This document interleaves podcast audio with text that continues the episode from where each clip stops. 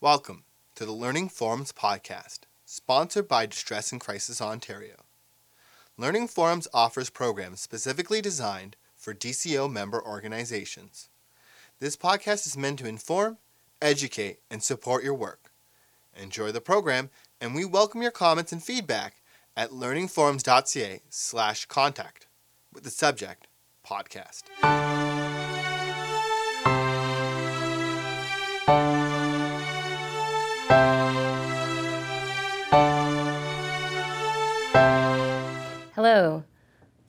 My name is Laura Prong. I'm deaf, and I work as a case manager for supportive housing for people who are deaf, deafened, hard of, hard of hearing, oral deaf, uh, and have mental health issues at the Canadian Hearing Society in Toronto. Hi, I'm Veronica Bickle. I'm also deaf. And I've been working as a general support services counselor in Oshawa, known as GSS. Uh, currently, I'm on leave to do grad studies, and I am on placement with Laura at CHS in Toronto and her program. The Canadian Hearing Society is also known as CHS, and CHS will be used quite prominently through this presentation. They were founded in 1940,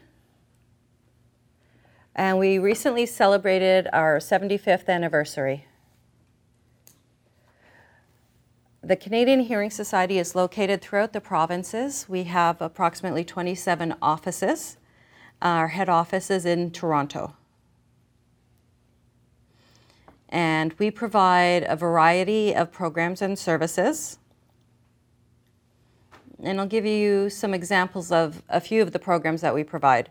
One is Connect Counseling Services. And then we have General Support Services, known as GSS. HCCP, which is Hearing Care Counseling Program. We offer settlement uh, services for those who are new to Canada. We provide audiology services, speech classes, and OIS, which is Ontario Interpreting Services, employment services.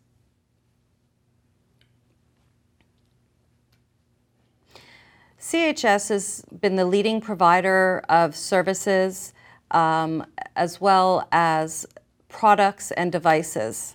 The mission of CHS is uh, to remove barriers to communication for deaf, hard of hearing, oral deaf, and deafened individuals.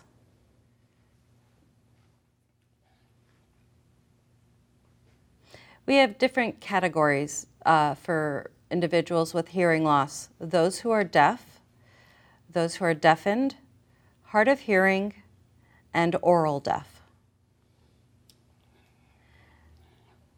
And just before I go into those categories, I'm going to talk a little bit about terminology. Quite often, people will say hearing impaired. Uh, as a deaf individual, we do not prefer that word. We prefer to be called deaf. And so, some terminology to avoid using is deaf and dumb, deaf mute,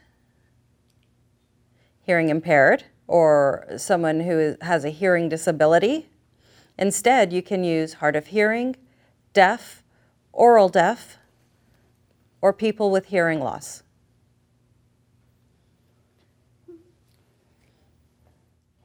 Now, back to those four groups. Those who are culturally deaf, as a person who was born deaf, uh, who they have their own language, and their language is American Sign Language, known as ASL. That is their primary way of communicating. they also have their own community and culture. It's also important to know that a person who identifies themselves as culturally deaf will usually, in writing, denote it with a capital D, EAF. They won't use a lowercase d. And to give you an example, if you're if you want to compare it to somebody who's a Frenchman, you would identify that with a capital F. For Frenchmen, it's the same thing as a person who is deaf, who is culturally deaf. And then oral deaf,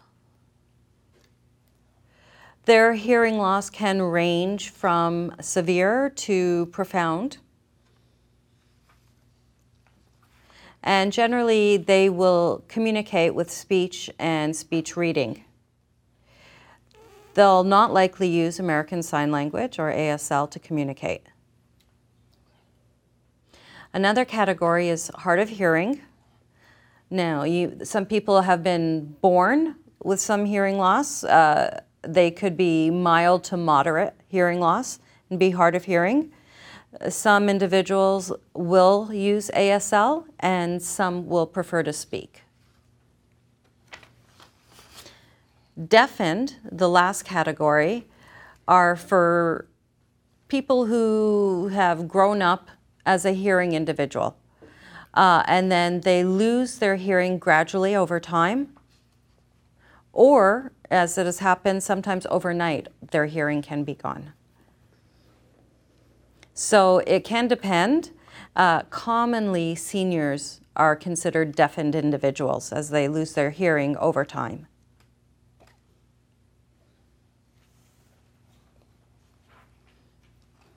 The official sign languages that we use are ASL, which is American Sign Language, and LSQ. LSQ is the French Sign Language here in Canada. It's most commonly used in Quebec. In Ontario, we also have uh, a French deaf community up in Sudbury in Northern Ontario, primarily, or Ottawa. They also will use LSQ. ASL and LSQ have their own grammar and syntax. They're different than English. Now, ASL and LSQ are not universal sign languages. Other countries have their own sign languages. And now I'd like to turn it over to Veronica.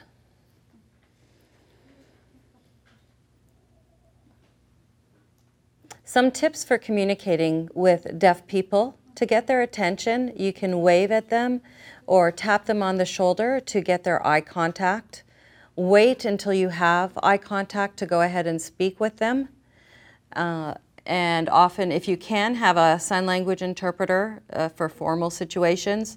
If it's informal, you may be able to get away with writing back and forth. And in today's world, we have more technologies that are available, such as computers and texting, which assists in communication.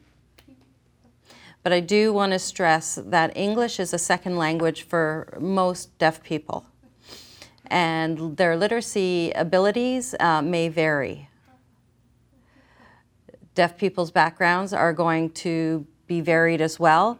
If they are immigrants to Canada, they may not have any English language or ASL, and educational backgrounds can vary. Some have had very good education backgrounds and some have not, which is going to impact literacy. I want to give an example of some, uh, some communications that you can have, and those were the slides that I had mentioned in the handout. If a deaf person is going to make a phone call, they will use a TTY uh, and if they're calling another individual who has a TTY, then they can call directly uh, and type with each other. Uh, in this slide, I have an example of somebody who communicates in English quite easily. Uh, on a TTY, you will notice when you're indicating it's the next person's turn, you will type GA, uh, and then you would have a conversation. And the example on the slide, you see there are ASL messages as well, which may seem like it's broken English, uh, because it doesn't follow the rules of English. But as we mentioned before, ASL is a distinct language having its own grammar and syntax, and that's what it's being typed in. So, an example uh, on the slide is me sad.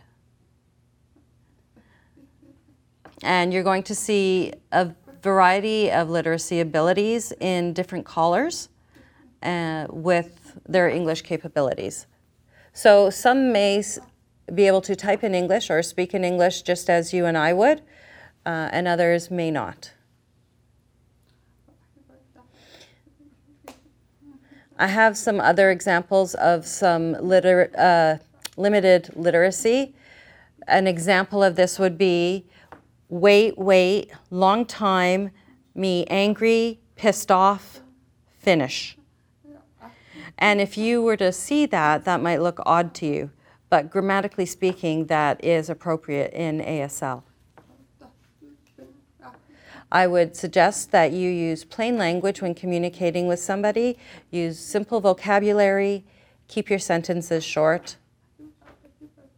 Now, if you have an interpreter there, then you can have a normal conversation. Um, most deaf people are able to sign and communicate very well in ASL. Uh, you can also determine, based on their English, uh, what their literacy levels might be like, and then you can aim to match their literacy. If you have access to a TTY, when you're indicating it's the next person's turn, uh, you would type GA, which means go ahead, so that the person knows. Uh, and then when you're finished a conversation, you would type by SK, SK, which means stop keying. The other person knows that the conversation is over. In today's world, the technology is constantly evolving, and a lot of people are no longer using TTYs. Uh, a lot of people are using online chatting, uh, different programs and tools, which is wonderful. If a person doesn't have a TTY, they may use the Bell Relay Service, BRS, so that they can call someone who doesn't have a TTY. There would be an operator, a relay operator on the other end, and that person would be able to call uh, the hearing person who doesn't have a TTY. And they would mediate the conversation, relay it back and forth. The process takes a little bit of time. Uh, you have to have patience when having a conversation through the Bell Relay service. Another recent one is IP Relay. Uh, a lot of people are preferring not to use TTYs any longer. This is online, and it's very much the same way as the Bell Relay service in that you would be typing something to somebody and it would be spoken to you as a hearing person. In the United States, video relay services have been well established. Uh, and you can use Skype, and you'll be able to see an interpreter there live, uh, and they'll act as an operator to relay the phone call. Unfortunately, Canada doesn't have that available as of yet. Uh, crossing my fingers, hopefully, it'll be established in the fall of 2016. Because our language is a visual language, it would be so much easier for us to be able to uh, communicate in sign language through video. Uh, so we're looking forward to that. And now over to Laura. Now, the best way to communicate with a person who is hard of hearing, oral deaf, or deafened, it's really important to ask the individual their preference in communication. Some may prefer to speak, some may prefer to sign. But for those who prefer to speak, then it's important to have eye contact when speaking with them. You can speak at a normal pace.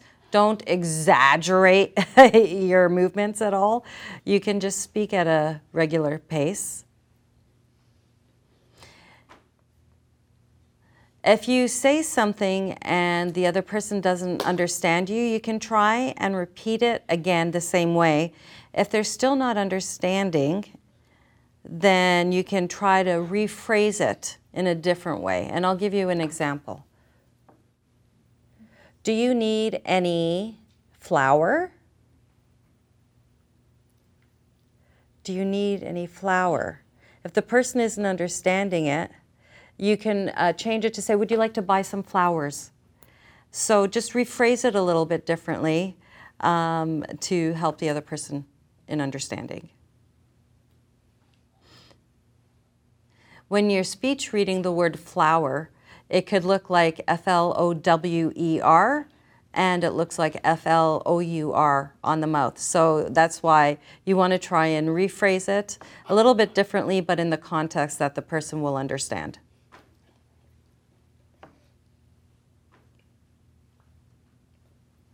Another way would be uh, Do you want to purchase some flour?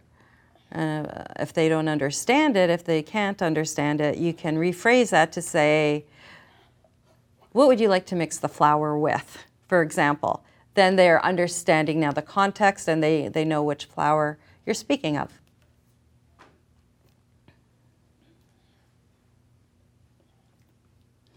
There are FM systems um, that can be used in for audiences who prefer to listen if they're not able to hear. Uh, the FM system may assist in the hearing.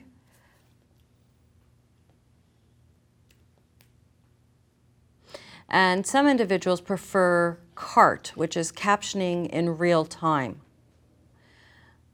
So a person is able to read what is going on, as I said, real time. Other devices are amplified phones.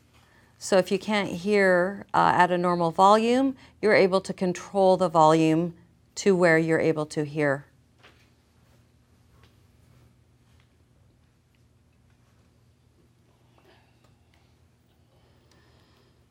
I was mentioning that CHS offers many programs and services. I'd like to speak about Connect Counseling service right now. As I said earlier, in Ontario, we have many offices throughout the province, and Connect Counseling provides professional counseling for those who are deaf, deafened, hard of hearing, and oral deaf. Uh, the counseling can be individual counseling, couples counseling, family, children's counseling, uh, around a variety of issues such as family problems, couples problems, um, addiction issues, mental health services, domestic violence issues. We can provide counseling for all of those. The program is free of charge, there is no cost associated with it.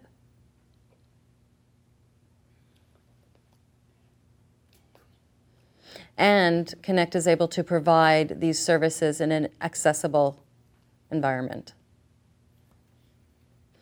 So we can provide interpreters if needed, or an FM system, or a captioner, depending on the person's need. Counseling is available all through the province. And if you're unsure if, let's say, in Ottawa, you don't know if Connect is offered in that office, you can always check on our website, www.chs.ca, uh, and find the Ottawa location. It will show you which programs and services are available in that office. Accessibility at CHS. We have Ontario Interpreter Services, OIS. Now, OIS is based in Ottawa. They're a centralized scheduling center, but anyone can request an interpreter by being in contact with them. And then they would find an interpreter who's available in your region. We also provide 24 7 emergency interpreting services. So, uh, emergencies can be at the hospital, a shelter, crisis services, uh, the police, court, if you have to go to court immediately, if someone's just been arrested, for example. children's welfare.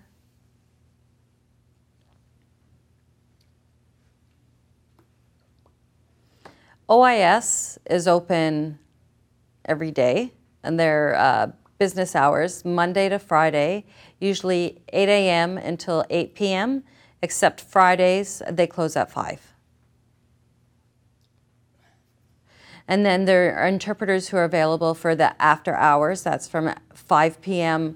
until the next morning, and on weekends 24 7 as well as holidays. You can contact OIS through the phone.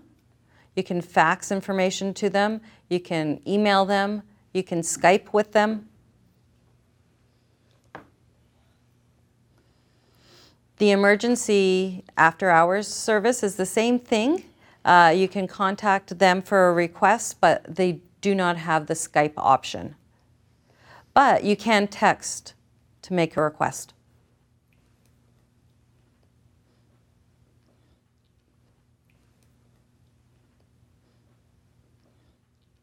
When working with an interpreter, there's going to be some information that the interpreter is going to need to know prior to attending this meeting. OIS interpreters are professional. They adhere to a strict code of ethics, maintain confidentiality. They will not counsel or advise any of the parties. They're there to facilitate communication between the hearing person or persons and deaf person or persons. If you're speaking to a deaf person, you'll need to have their eye contact, which makes sense because they're visual. An interpreter would be there. A hearing person can again speak as they normally would to the deaf person. Don't watch the interpreter look to the deaf person who you're engaging in a conversation. Now, the deaf individual will watch you, but also watch the interpreter for the message. And we'll use ASL to communicate. So the interpreter will watch the ASL message and then interpret that into spoken English for the hearing person. Uh, Interpreters can't interpret when many people are speaking at the same time. so one person has to speak at a time when working with an interpreter.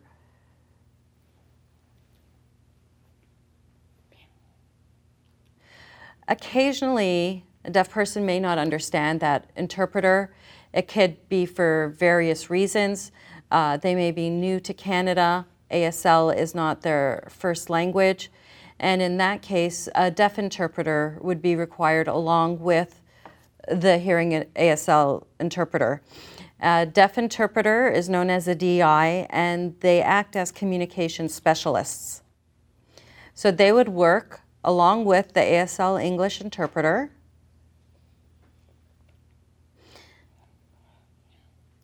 The DI will watch the interpreter and then from there be able to expand on the communication to make sure that the deaf person is able to understand.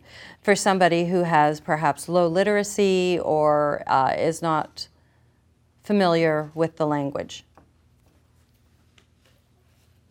Now, accessibility for people who are hard of hearing, oral, deaf, or deafened, they wouldn't use an interpreter because they don't use ASL Instead, they would use CART services, uh, and that is real-time captioning. CART can be used in small groups. Uh, often what will happen is they can connect to a laptop and the individual who needs the service would be able to read it off of their laptop. This can happen in meetings, it can happen in large meetings as well or conferences, at which time a screen would be uh, there and CART would be posted to the screen for everybody to be able to see. No, CART services, the captioner will not be in the room with you. It is connected remotely.